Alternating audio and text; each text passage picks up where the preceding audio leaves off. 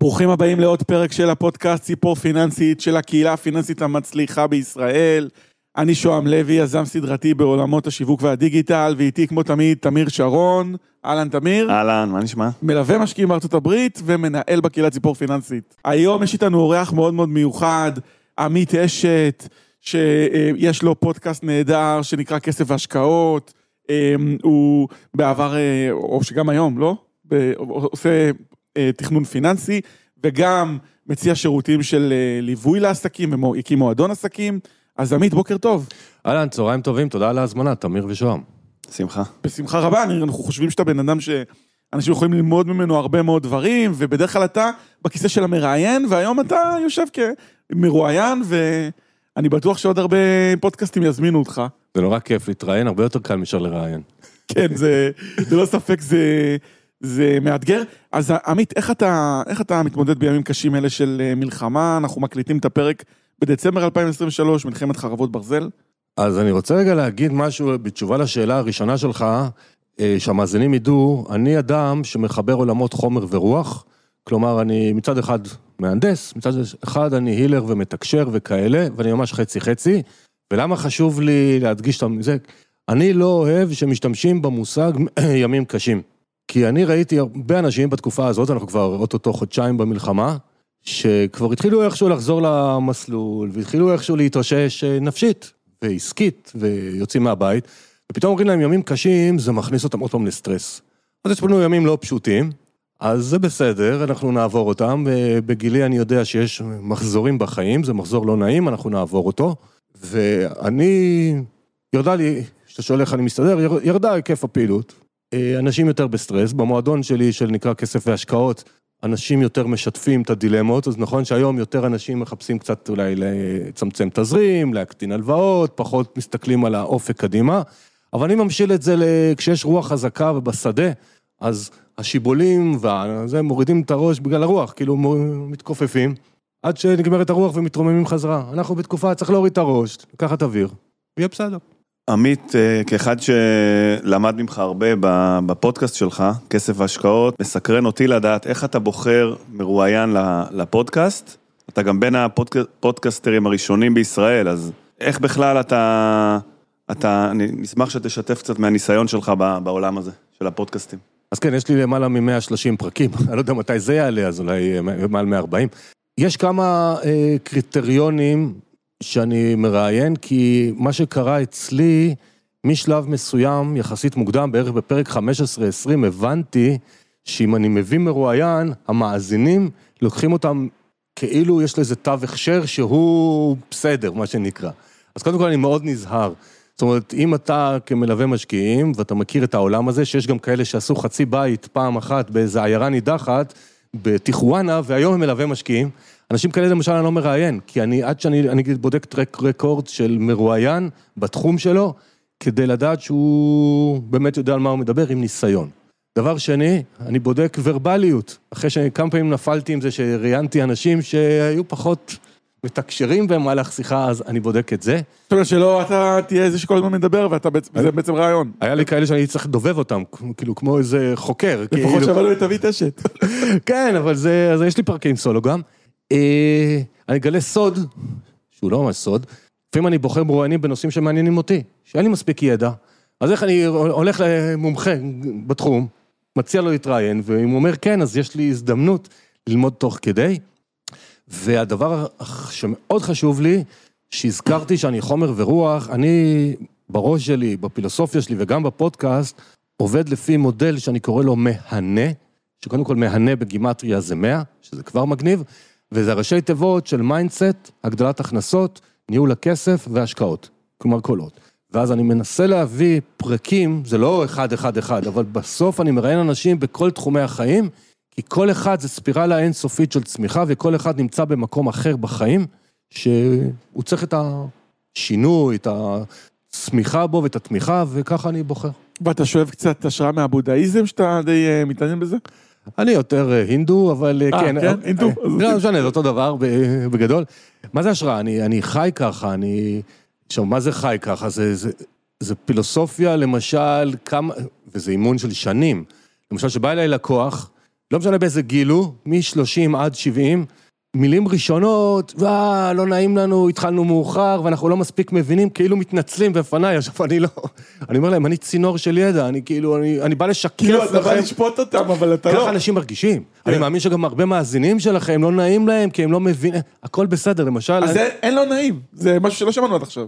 אני, אתה מראיין את האלה שיודעים, אבל לא, אתה, דברו עם מאזינים, אני מאמין שיש הרבה ש... וואי, איזה באסה שלא ידענו עד גיל 32 שאפשר לעשות ככה וככה. אז אני אומר, אז למשל לחיות... ואז הם לא עושים בכלל, זה מה שקורה? כן, שלא נעים להם? כן, הרבה פעמים לא נעים, לא יודעים. אז אני למשל לא שיפוטי, זה, זה חלק מ... אני אומר, אני צינור, אני לא בא... אני בא להעיר לכם באלף את הדרך, תיקחו, לא תיקחו. אז זה, זה חלק מהחיים שלי, בוודאי. אז מי שיגיע אליך, אתה אומר, אני לא שופט, וזה משהו שמאוד נוח לאנשים לחיות איתו. א', זה מאוד נוח, אני גם יכול להגיד לך שיחסית, הייתם שניכם בחלק מהכנסים שלי, אה, וגם מאזינים, אחוז אנשים שמאזינים לי, עוקבים אחריי, הוא גבוה יחסית לפיננסים, אני לא יודע איך זה בציפור פיננסית, כי אני לא מאיים, אני, אני אומר, כסף הוא אחלה כלי לחיים, הוא לא מטרה. עכשיו, יש סטיגמה כזאת של גברים, כסף, מטרה. לא, יש כאלה שכן, ויש כאלה שלא. אז אני מנסה לעשות את זה הרבה יותר בגובה העיניים, שבאמת כל אחד יתקדם, כי אני לא מוכר אף מוצר, אני מוכר בפודקאסט במרכאות ידע. קחו, תעשו עם זה משהו. אה, האם לדעתך יש שינוי בעולם הזה של הפודקאסטים ביחס למתי שאתה התחלת, לעומת היום? האם זה, אם עכשיו מישהו מתלבט אם להתחיל פודקאסט בעצמו, אתה ממליץ? אתה לא ממליץ? קודם כל, יש שינוי אדיר. אני התחלתי בנובמבר 2018, הייתי בין הראשונים בפודקאסטים בעברית, אז גם עוד לא היו כמעט קבוצות פיננסיות בפייסבוק. זאת אומרת, בקטע הזה היה לי את הראיית הנולד להתחיל קצת קודם. אז היה יותר קל. היום יותר מאתגר, כי יש בחירה.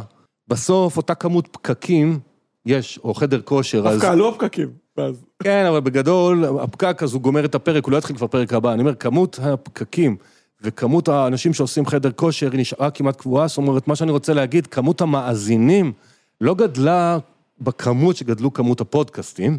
אצלנו זה גם צופים, דרך אגב. אה, צופים בנו. שלום. אני רגיל... אני, אני, אני דווקא חושב שהם דווקא גדלו, אני חושב.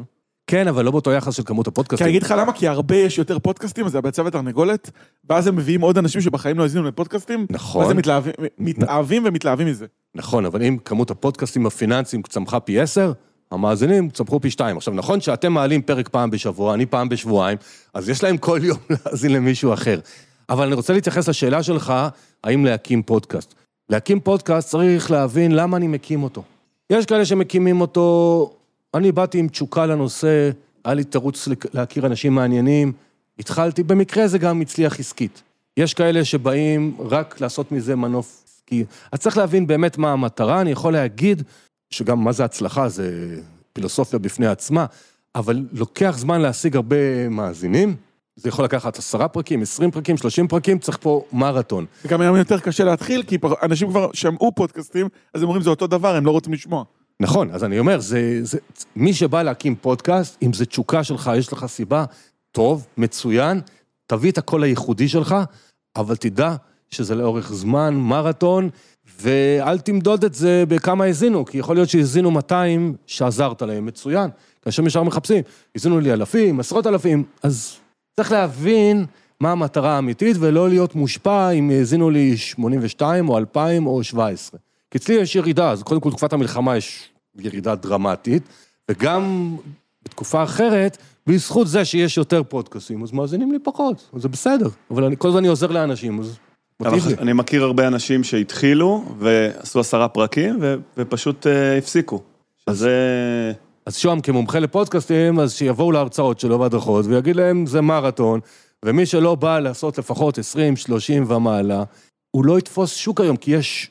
זה צפוף. אתה גם צריך להיות מאוד עדכני בהתאם למה שקורה, צריך לייצר רצף, וגם המציאות כל הזמן משתנה, ולפעמים אתה גם פוגש מרואיינים בתחומים שבכלל לא הכרת קודם שהם קיימים, והם יכולים לתת ערך למאזינים שלך.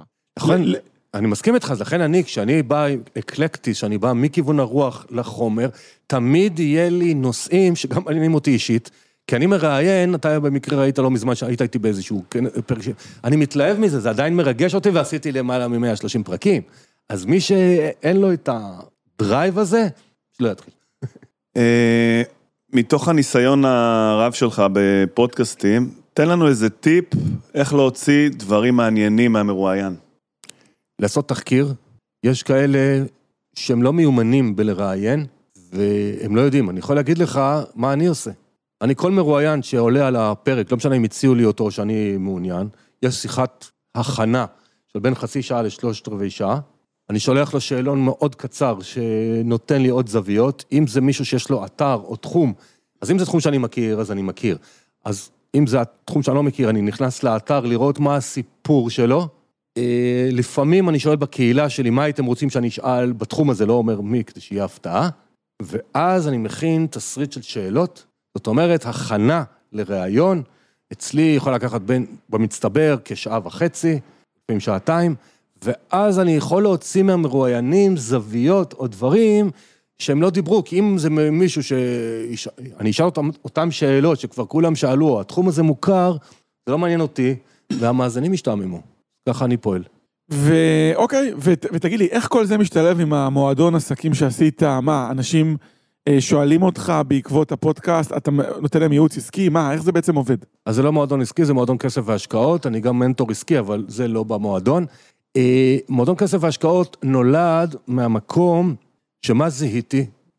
זיהיתי שהרבה מאוד אנשים רוצים, יש להם כבר, הקשיבו לכל הפודקאסטים בעולם, לקחו את כל הקורסים בעולם, הלכו לכל הכנסים שבעולם, לא עשו כלום. עכשיו, למה לא עשו? כי, כי מפחדים לעשות את הצעד הראשון. דבר שני, אנשים מחפשים מי להתלבט. כלומר, חסר להם לפעמים ידע וחסר קהילה. זאת אומרת, זה מיועד לכל בן אדם, כל בן אדם שהוא. כל בן אדם שהוא. אה, יש לי במועדון בערך חצי נגיד שכירים וחצי עצמאים. הרעיון של המועדון, אנחנו עושים שני זומים בחודש, יש פעמיים אה, מפגש, יש קבוצות וואטסאפ של התייעצות, שאני נותן ערך מכל אחד. אני ראיתי שאנשים רוצים אותי, שאני אהיה מעורב איתם בדרך, בזכות הפודקאסט. מה, להתייעץ עכשיו, אני הולך להשקיע ב-XYZ, תגיד, עמית, מה אתה חושב? כן, אבל דברים כאלה אני לא נותן בקבוצה עד כדי כך, כי אני צריך להכיר את האדם, אבל רוצים לדעת אה, כיוונים, הכוונה כללית. אז אז באים אליי לייעוץ, הוא יקר. אז ככה אני יכול לתת להם את אותי וגם שני זומים בחודש שהם ייעודיים, לפעמים אני מביא אורחים, אז הם מקבלים ערך שוטף, הם מקבלים מקום שאפשר להתלבט עם קולגות. בהחלטות אמיתיות, אתה אומר, ולא רק בתיאוריה, בפרקים בפודקאסט. כן, העיקר זה להתחיל, העיקר זה להתחיל, כי עוד פעם, המון אנשים, היישום, זה מה שעוצר אותם. עכשיו, יש לנו למשל מסורת במועדון, כל ראשון לחודש, יש קבוצה אחת שהיא רק אני מספר, ויש קבוצות התייעצויות. בקבוצה שאני מספר, אני פותח אותה לשיתופים, ואני אומר לכל אחד, תספרו מה עשיתם בחודש שעבר, בקשור לכסף, ואני משתף גם. קבוצת וואטסאפ או... כן, קבוצת... יש לנו גם דיבור, אבל דברים אחרים, אבל זה קבוצת וואטסאפ, ואני אומר, בואו, כל אחד שרוצה, לא חובה, תשתפו. ואני משתף גם דברים שאני עשיתי. אז למשל, בחודש דצמבר שיתפתי, שהגשתי את התביעה לחרבות ברזל שהיה קשה, ושהיא... אה, את התביעה, מה, לפיצוי עסקים? לפיצויים של אוקטובר, ירדו לי ההכנסות למעלה מ-60 אחוז באוקטובר. וואו. אה, אה, דיווחתי, דיווחתי שעדכנתי את הקובץ אקסל המשפחתי, איפה כל הדברים שלנו, כי אשתי פחות מעורבת, וישבתי איתה על זה. וכל זה היה בקבוצ-. במועדון? כן, לא, אני מעדכן, אני לא נותן מספרים, אבל אני מעדכן. כל אחד מעדכן מה הוא עושה. ואז, מי שרוצה. ואז אנשים אומרים, התחלתי להשקיע, אני מחפש להחליף חשבון. עשיתי זה, עשיתי זה. זה נותן השראה, זה נותן כוח, ואנשים נוצרות, נוצרים, נוצרים חיבורים, ואני חושב שהיום, בעודף אינפורמציה שיש, בעולם הזומי שיש, קהילתיות חסרה, אבל קהילתיות, קהילתיות אמיתית, וזה עולה כסף, זה לא בחינם.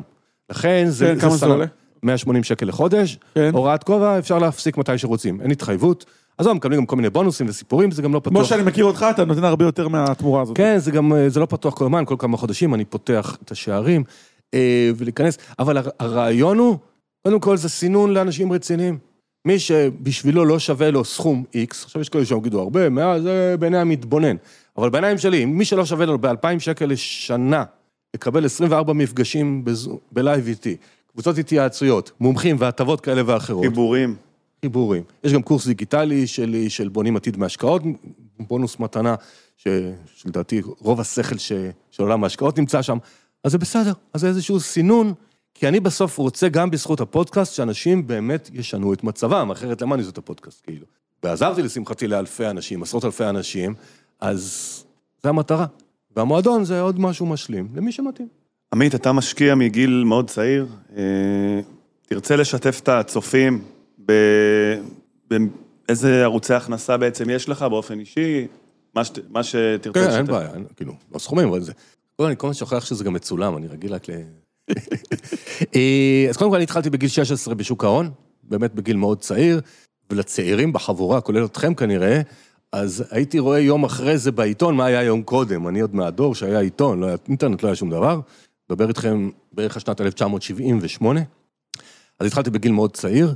אה, לא רציתי להתעסק עם נדל"ן אף פעם, כי פחדתי, היה לי כל מיני אמונות מגבילות, שאז לא היה את מי לשאול, אבל מה שקרה אחרי המשבר הכלכלי של 2008, שבמקרה או לא במקרה, ב-2009 עשיתי הכי הרבה כסף אי פעם בחיים שלי בשוק ההון, כי הייתי מאוד נזיל, ואז הכל התרסק, לא פחדתי מכלום, וזו הייתה התאוששות מטורפת, אז, אמ- ובדיוק עזבתי משרד שכיר להיות עצמאי. אמרתי, מי יודע אם במשבר הבא המזל ישחק לי עוד פעם. ב-2008 הפכת ל... ב-2009. רגע, רגע, וזה- ב-2008 עזבתי משרה של 20 שנה שכיר, הפכתי להיות עצמאי, ואז ב-2009, כשעשיתי הרבה מאוד כסף בשוק ההון, אמרתי במשבר, עכשיו אני, אין לי איזה משכורת מובטחת, מי יודע מה יקרה במשבר הבא? אמרתי לאשתי, אין ברירה, צריך נדל"ן. למה? כי נזכרתי שבשנות ה-30 של המאה הקודמת, עליית הנאצים לשלטון וכל זה, מי ששרד בסוף היה מי שהיה לו נדל"ן. אז התחלנו בארץ בכרמיאל, בשתי דירות.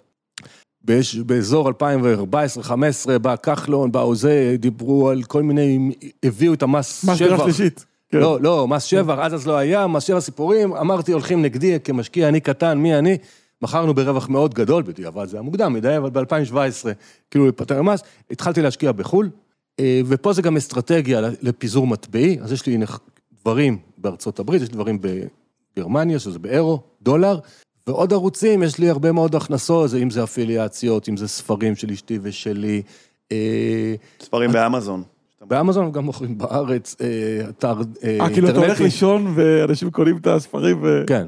עכשיו עוד פעם, אז לא מתעשרים מזה, אבל אה, אין כן. בעיה. אבל אשתי... גם מה- 300-400 שקל אתה קם בבוקר? לא, יש לנו, לשמחתנו, יותר, אבל אשתי, פשוט, הספרים של. אשתי יותר זה, כי היא אומנית פסיפס, זאת נישה שאין הרבה ספרים ואין הרבה כותבים. אז עכשיו היא בדיוק מעלה את הספר העשירי שלה באמזון, אה, אוטוטו, וזה מביא, בוא נגיד, בין אלף לאלפיים שקל בכל זאת ספרים שלה ושלי. אנחנו לא עושים שיווק, לא עושים כלום. אז המ- המודל הוא, אנחנו מנסים כל שנה להגדיל את ערוצי ההכנסות לפחות בשני הערוצים, ולפעמים זה מצליח, לפעמים זה מביא דולר בשנה, אפילו ערוץ יוטיוב שיש לי, הוא לא מביא הרבה כסף. אבל מה אכפת לי, שמתי שם פרסומות, אז הוא, לפעמים יש חודשים שזה עשרה דולר, יש חודשים שזה שלושים דולר. השקעת פעם אחת והוא מייצר... לא, אני אה, כבר עושה סרטונים בכל מקרה, אני כבר עושה דברים, אז מה אכפת לי שיהיה לי ערוץ ולעשות לו monetization?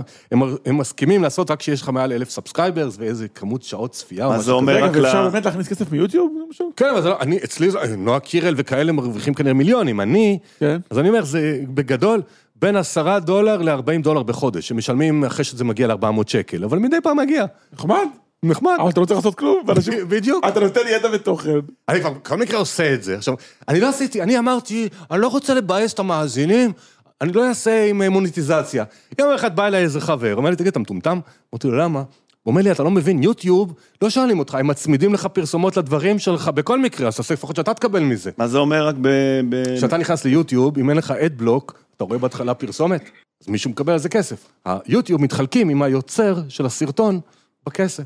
עכשיו, זה, זה בין דולר לעשרה דולר לאלף צפיות. עכשיו, אני לא נועה קירל שיש לי מיליונים של צפיות, אבל יש לי כמה אלפים בודדים בחודש. זה, זה, זה זז הסכומים, אני לא יודע. אבל אני אומר, כקונספט, ה mindset, יאללה, מה אכפת לי? זה מפה ומפה ומפה ומפה, הכל טוב. לגמרי. אה, יפה, יפה. עמית, בשנים האחרונות עשית כמה כנסים מול מאות אנשים, גם בבית ציוני אמריקה, גם בבאר שבע, אני בעצמי באתי, וגם הוצאת ספר ש... על כסף והשקעות. רציתי לשאול, איך התחושה להשפיע על כל כך הרבה אנשים ולגרום להם להתחיל להשקיע? זה לא רק להשקיע, זה גם אה, לחבר זוגיות לפעמים. אה, תשמע, זה מאוד מרגש, אבל עם ההתרגשות, יש לזה לפעמים אה, פחדים, מה שנקרא ככובד האחריות, זה כאילו, אתה אומר, וואלה, אני משפיע על אנשים, אני צריך להיזהר מה אני אומר. לכן אני בורר את אז המרואיינים. אתה אומר, אה, זה הרבה יותר אחריות. זה הרבה יותר אחריות. ושבאים, נגיד, עוד פעם, כשאני יושב עם זוג שמגיע אליי פנים, בארבע עיניים, כאילו, בחדר במשרד, אז זה בסדר, אני יכול לדבר איתם, אני רואה מי הם, אני יכול לדבר איתם חופשי, פחות או כמו שאנחנו מדברים פה, ואפילו יותר חופשי. אבל אה, כשאתה מגיעים אנשים זרים, שאתה לא מכיר אותם, ולוחצים לך את היד בהתרגשות ואומרים לך תודה. בבאר שבע זה היה מאוד בולט, כי הם, אין כמעט דברים בדרום, אז באו אנשים מנתיבות, משדרות, מבאר שבעים, שהודו לי על זה שאני הסכמתי לעשות כנס בבאר שבע והם לא צריכים לנסוע לתל אביב. אז זה מאוד מרגש, ואת האמת זה חלק מהסיבה שאני ממשיך. כי לפעמים זה נורא מעייף, אבל אתה רואה, וואלה, אתה עוזר לאנשים לשנות את החיים שלהם, שיהיה להם חיים יותר טובים. עכשיו, יותר מזה, מה שאתם עושים בציפור פיננסית ו, ובעוד מקומות, צריך להבין שאני היום עוזר לזוג בני 40, שלושה ילדים צעירים, הם יגדלו את הילדים שלהם אחרת. זה כבר השפעה לדורות. זה כבר לא השפעה נקודתית על הזוג הזה, יש לו עוד הכנסה של 2,700 שקל בחודש ויצאו מהמינוס, שזה אחלה. הם יגדלו את הילדים אחרת. גדלים פה דורות אחרים, ואם יש לי את הזכות להיות חלק מזה, כבוד. ויהיה לך איזה פרויקט שרוצה להביא את כל הידע הזה, לפעמים, תראה, אני חושב שאנשים שמאזינים לפודקאסטים, בדרך כלל הם אה, עשירונים עליונים, הם יותר מסודרים. איך, איך לדעתך אפשר להביא את זה באמת לפריפריה ולכל האוכלוסיות, ואת כל, בכלל את כל הידע הזה, כי הפודקאסטים פשוט כלי שמנגיש את זה, יותר קל לצרוך. גם יש קבוצות אה, פיננסיות אה, בפייסבוק, יש 10, 15, 20. כמו הקבוצה שלך וציפור פיננסית. לא, שלכם הרבה יותר פעילה, שלי הרבה פחות פעילה. אני אומר, ויש עוד טובות אה, פעילות. לא, מה אני רוצה להגיד? זה לא רק על עשירונים עליונים. אני טוען שבסוף, בסוף, בסוף, בסוף, בסוף, כל אחד זה אחריות אישית. אז אני יכול ללכת לראות את האח הגדול ולצפות בחדשות המבאסות שיש לנו בזמן מלחמה מבוקר עד ערב, ואני יכול להגיד, אני מסתכל על פעמיים ביום על החדשות, ושאר הזמן אני עושה משהו. זאת אומרת, ההנגשה, אני טוען שהיום כל אחד יכול להתחיל, זה תלוי בלקיחת אחריות. הרבה יותר קל זה לשעמם, אה, להתבכיין, לקטר, להגיד ההוא לא בסדר וההוא לא בסדר. אין לי איזה רעיון גאוני, ואני חושב שיש המון עמותות היום, אם זה פעמונים, ואם זה מתייעלים, ואם זה כל מיני דברים, דברים שאתם עושים ואנחנו מעורבים.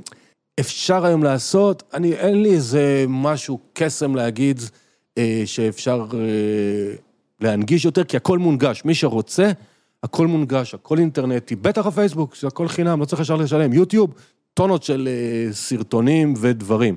הבן שלי למשל עכשיו הוא בצו 8 במלחמה.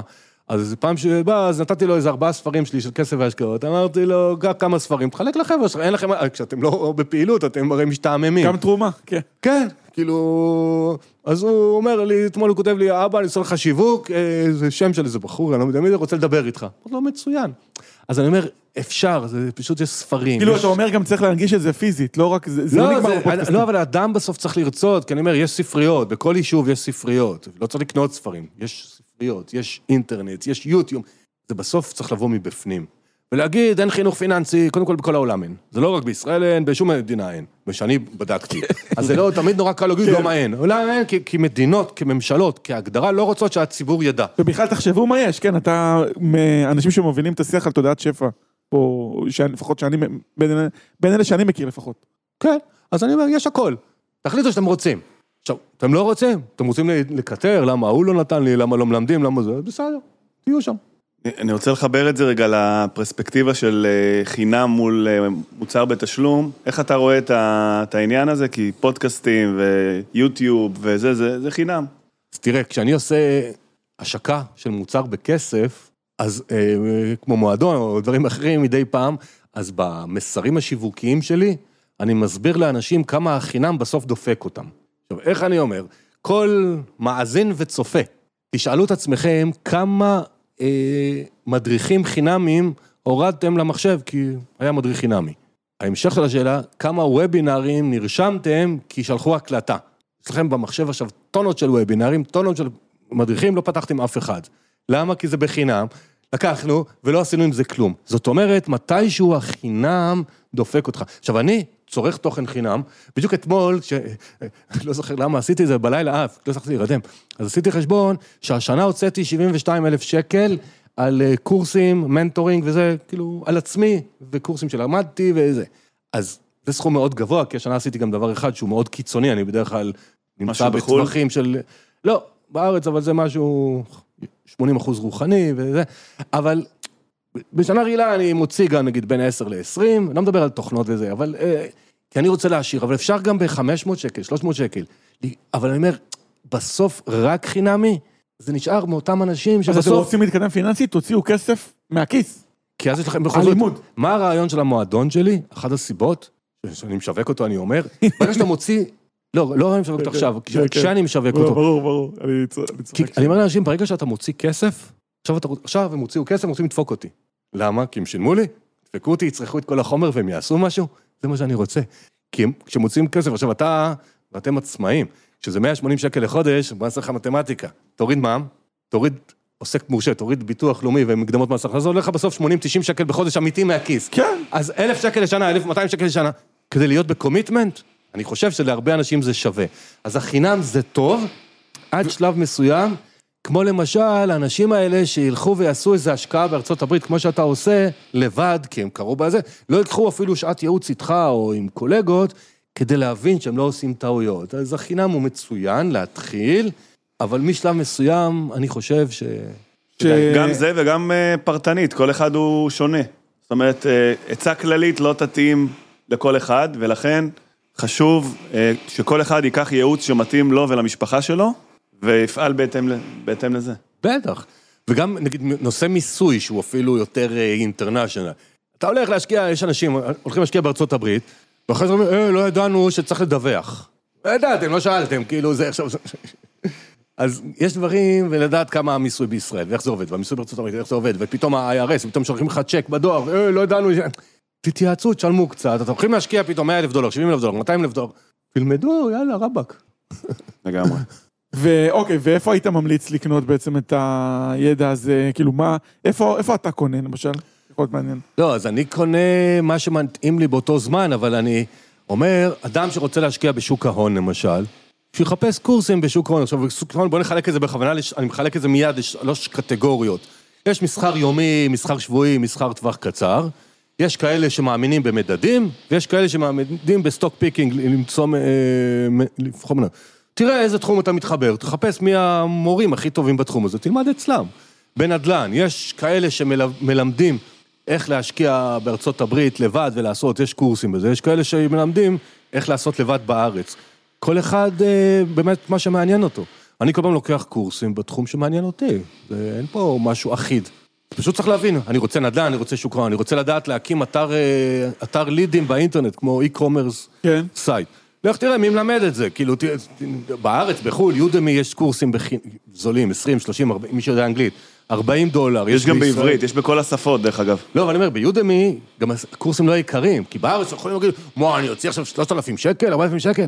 תקנה קורס ב-20, שני קורסים, שלושה קורסים ב-30 דולר כל אחד, תתחיל אה, להבין את התחום. אני אומר, לא צריך להוציא ישר לרוץ להוציא הרבה כסף, אבל עוד פעם, אנחנו ישראלים, שילמנו, נדפוק אותם, נלמד, זה יגרום לנו לעשות, זה הכל.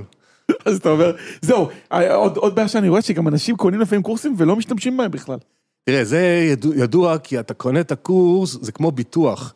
קניתי, לא משתמש. יש לנו הוצאה לאור של ספרים, לאשתי ולי, פרסומת, סיפור פשוט.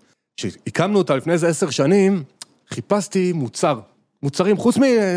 אמרתי, אני אעשה מנוי שנתי, במחיר של 350 שקל.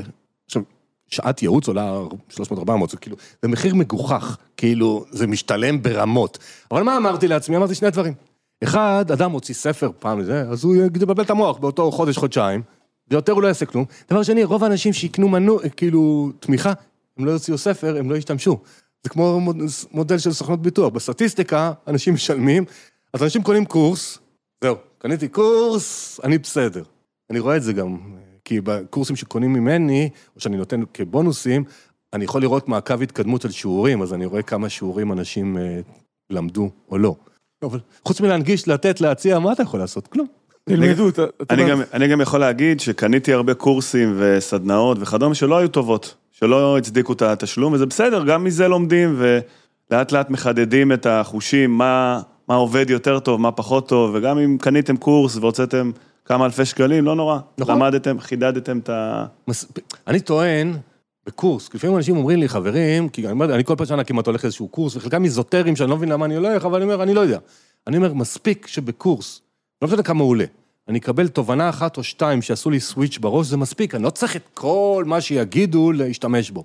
עכשיו לא מזמן קניתי עוד קורס אה, יחסית זול אה, באיזה תחום שאני עוסק בו, תחום שאני מכיר ופועל בו, אבל הביא לי איזה שניים, שלושה דברים, ומי שרואה, נגיד, אם אתה רואה את ה story שלי, אני עושה מלא ניסיונות, פתאום למדתי שב story אפשר לי, דרך האינסטגרם אם אני מעלה, כי אני לא, אני לא, אני חלש אה, בעולמות שאפשר האלה, לשים את הלינק? שאפשר לשים שאלון, שאפשר לשים דמוי טיימר, כל מיני דברים שאני לא... אז, אז אני עכשיו מתאמן. עכשיו, זה קורס שהיה, רובו לא חידש לי כלום, אבל כמה דברים קטנים, אז הלכתם לקורס, קודם כל תבואו בראש פתוח, תיקחו דבר אחד, שניים, שלושה, וכן, יש כאלה שהם מאכזבים. או להכיר אנשים אה, אחרים, אם אתם הולכים לאיזשהו מפגש. מספיק שהכרתם בן אדם אחד ששינה לכם משהו בחשיבה, או עשיתם איזשהו שיתוף פעולה, זה כבר החזיר את ההשקעה. אז במועדון שלך יש גם מפגשים פיזיים? כן, שניים בשנה, אה, ללא תשלום מבחינתם, אבל אני רוצה להגיד מה שתמיר אמר, כן. אה, יש את המושג הזה networking. אנשים, כאילו אנחנו משתמשים בזה networking, אבל אנשים בדרך כלל לא שמים לב לשתי המילים באנגלית. Net working, working, צריך לעבוד כדי לייצר networking. אז בשביל זה גם במפגש, במועדון אני עושה פעמיים בשנה אה, מפגשים, אה, כדי שגם יכירו, מקבלים הרצאות תוכן, אבל גם שיכירו אחד את השני. כי בסוף, כמו שתמיר אמר, ההוא מכיר את ההוא, אז גם הם מתכתבים ביניהם ומכירים בזומים, אבל אה, אתה זה זה, אתה זה זה, ו... ואתה חושב שזה מקדם אותם במפגשים האישיים האלה? אתה רואה את זה? א', אנחנו יחסית המועדון די חדש, היה אחד, יש בעוד שבועיים עוד אחד, אני רואה שזה מקדם, כן. אתה, אתה, יודע, זה כמו כל מפגש אנושי, לא כולם מתחברים לכולם.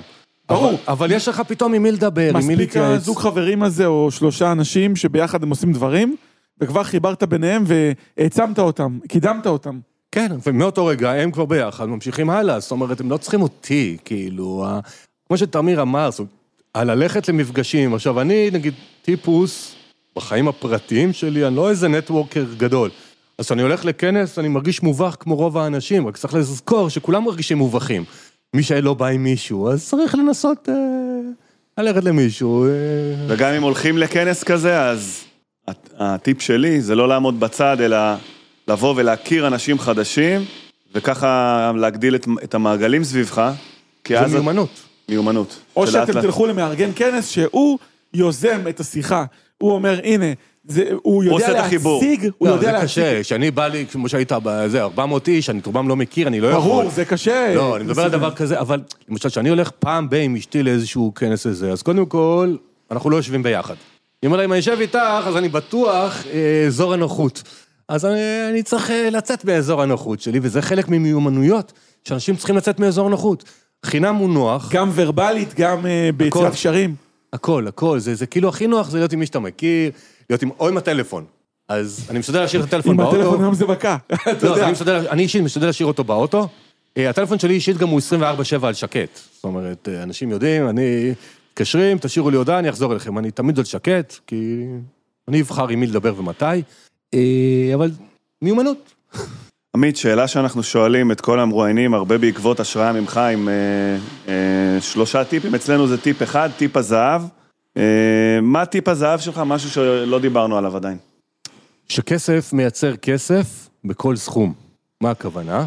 יש אנשים שפחות מיומנים בעולם התוכן שלנו, שהם חושבים שעד שלא יהיה להם 100, 200, 300, 400 אלף שקל, הם לא יכולים להתחיל. וזה לא נכון, אפשר להתחיל לעשות הוראת קבע, ל- לא משנה למה, לקרן, כאילו בשוק ההון, להשקעה כזו או אחרת, ב-200 שקל לחודש, 300 שקל לחודש.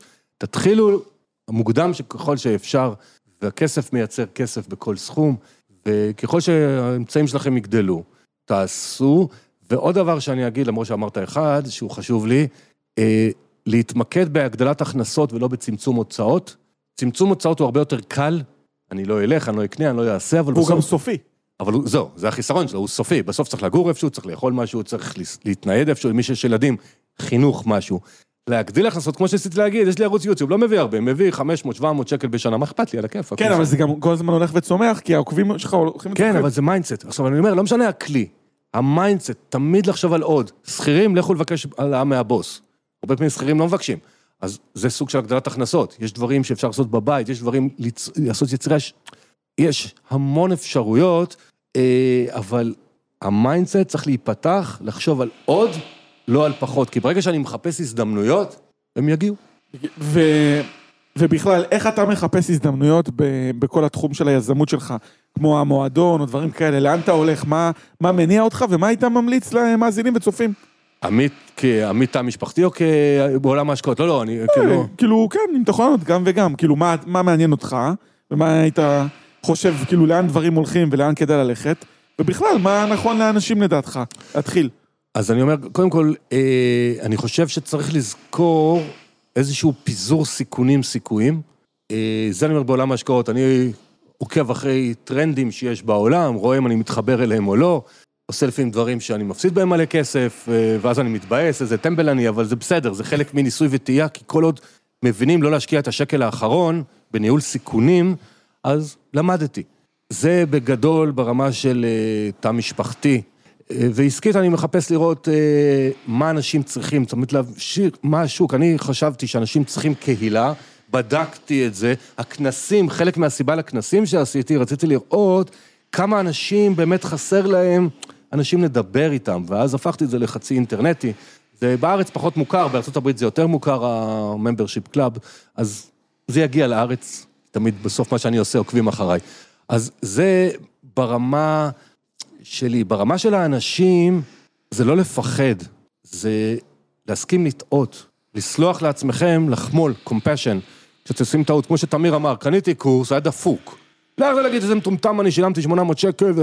בסדר, לא היה טוב, הבא יותר טוב. זאת אומרת, לזכור שזה תהליך, זה דרך התקדמות.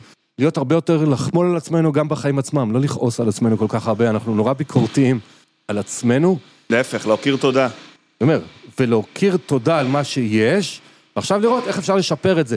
עכשיו, אם אתה שואל אותי מבחינת vision, ברור לי שעולם ה-AI הולך לעשות מהפכה, אני משחק עם ה-AI בקטנה שלי, אני רואה איפה אני נעזר בו, יש לי לקוח, שהוא גם יהיה בהרצאה של ה... בכנס הקרוב, אה, שאנחנו מכניסים דברים, אה, צ'טבוטים וסוכנים אישיים ודברים כאלה לעסק שלו, אז אני חושב שזה תחום שעוד לא ברור לאן, מה אפשר לעשות איתו, אבל זה תחום שצריך להכיר אותו ולא לפחד ממנו, כי זה ישנה את חלק מהמקצועות, אנשים יצטרכו לחפש... זאת אומרת, מי של... כן, כמו שאומרים, מי שלא יעבוד עם זה, לא יהיה רלוונטי. לא, לא, לא כולם, אבל נגיד אה, כותב תוכן, בוא, אנחנו כולנו כותבי תוכן, כותב תוכן שעושה, שמתפרנס היום מכתיבה. והיום אני יכול לכתוב לצ'אט GPT, תכתוב לי כאילו אתה אדם בן 43 עם שלושה ילדים קטנים ומתלבט האם להשקיע בנדל"ן וזה, תן לי מאמר ב-150 מילים, למה לא כדאי להשקיע, ואחרי זה אני אומר אותו דבר, למה כן כדאי להשקיע? תוך שנייה יש לי שני מאמרים, גמרתי את הכל, בשנייה. נכון, אבל זה אוסף לך רק תובנות שיש ברשת, ואם יש לך תובנה מאוד ספציפית לתקופה הזאת, כמו למשל מלחמה ולאור הסיטואציה, ויש לך דעה מאוד אישית, זה לא יביא לך... אני מסכים איתך, אז תוסיף אז את ולד שלך, אבל אני לא צריך את כל הכותב תוכן. או אתמול ראיתי אה, יוטיוב ראשון, שזה חברה בחו"ל, אני לא זוכר את השם שלה, אה, פיילוט ראשון שהם עשו פיקה, לדעתי פיקה.קום, משהו כזה. שאתה בפרומפט אומר, אני רוצה שתעשה לי בבון עם משקפיים צבעוניות, והוא עושה סרטון אנימציה עם בבונים, מחליף לו משקפיים. זאת אומרת, החיבור הזה בין פרומפטים לסרטונים ולעיצוב יהיה. אז כל מי שהיום, נגיד, בעולם הכתיבת תוכן, חלק מזה ישתנה. אז אני אומר, אז אנשים צריכים לראות, כשאני אומר לא לפחד, זה גם אם אתה לא מרוצה במקום העבודה שלך, אתה לא מקבל את ה... תעבור, תחליף, זאת אומרת... יש מפחדים, לפעמים הם... בסדר, אני שואל את דעתי. יש להם, לא, ברור, ברור. אז אני אומר, לא בכל מחיר תמיד, אבל הכוונה, יותר נוח להכיר את הלא, את, הלא נעים שאני גר בו, כי אתה אומר, אני אעבור מקום, אני לא יודע. אז אני יכול, יש איש אחד בשם אבי גרינברג, לא יודע אם הוא קיים או לא, הוא פיתח שיטת גרינברג, מישהו מהמאזינים מכיר, נעזרתי בה הרבה, זו שיטת חיבור גוף נפש לפני הרבה שנים, ובאחד הספרים שלו הוא כתב דבר כזה, תדמיינו שאתם חיים על אי, קוקוסים, פירות, הכל, אתם, אבל אתם לבד. באיזשהו שלב נגמרו הקוקוסים, נגמרו, נגמרו הפירות, אתם מתחילים לחפור ולאכול את השורשים מתחת לעץ. עכשיו אתם רואים אי ממול, שיש בו קוקוסים והכל, אבל אתם צריכים לסחוט אליו. אז אתם רוצים להגיע, אבל מה, יש כרישים בדרך. אז אם לא תסחו מספיק מהר, הכריש יאכל אותך. אם תסחה מספיק מהר, יהיה לך עוד פעם שקט לכמה שנים, תחיה בקוקוסים. אז אנשים צריכים להחליט האם הם רוצים לחפור ולחפש שורשים. ניהול סיכונים. או שמוכנים לסחוט, לחפש משהו חדש שעושה להם טוב. גם יש עוד מושג שאני מנסה להסביר אותו, יש מוצר כסף ומוצר נשמה.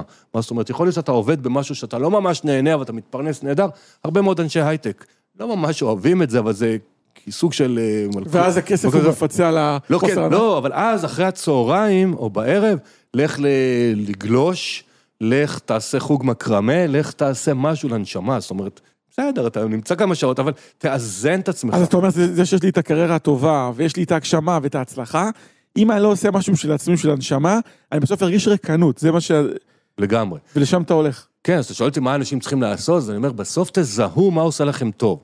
עכשיו, ברור שזה ניהול סיכונים, אם יש לי עכשיו שלושה ילדים בני 6 עד 10, ואני עכשיו אתפטר, אה, ואני המפרנס ראשי בבית, אז ברור שאני לא יכול לעשות את זה, אבל אני כן יכול פעמיים בשבוע ללכת לחדר כושר, לרוץ, ללכת למפגש חברתי, לא יודע, להקשיב לפודקאסטים בשפת הים.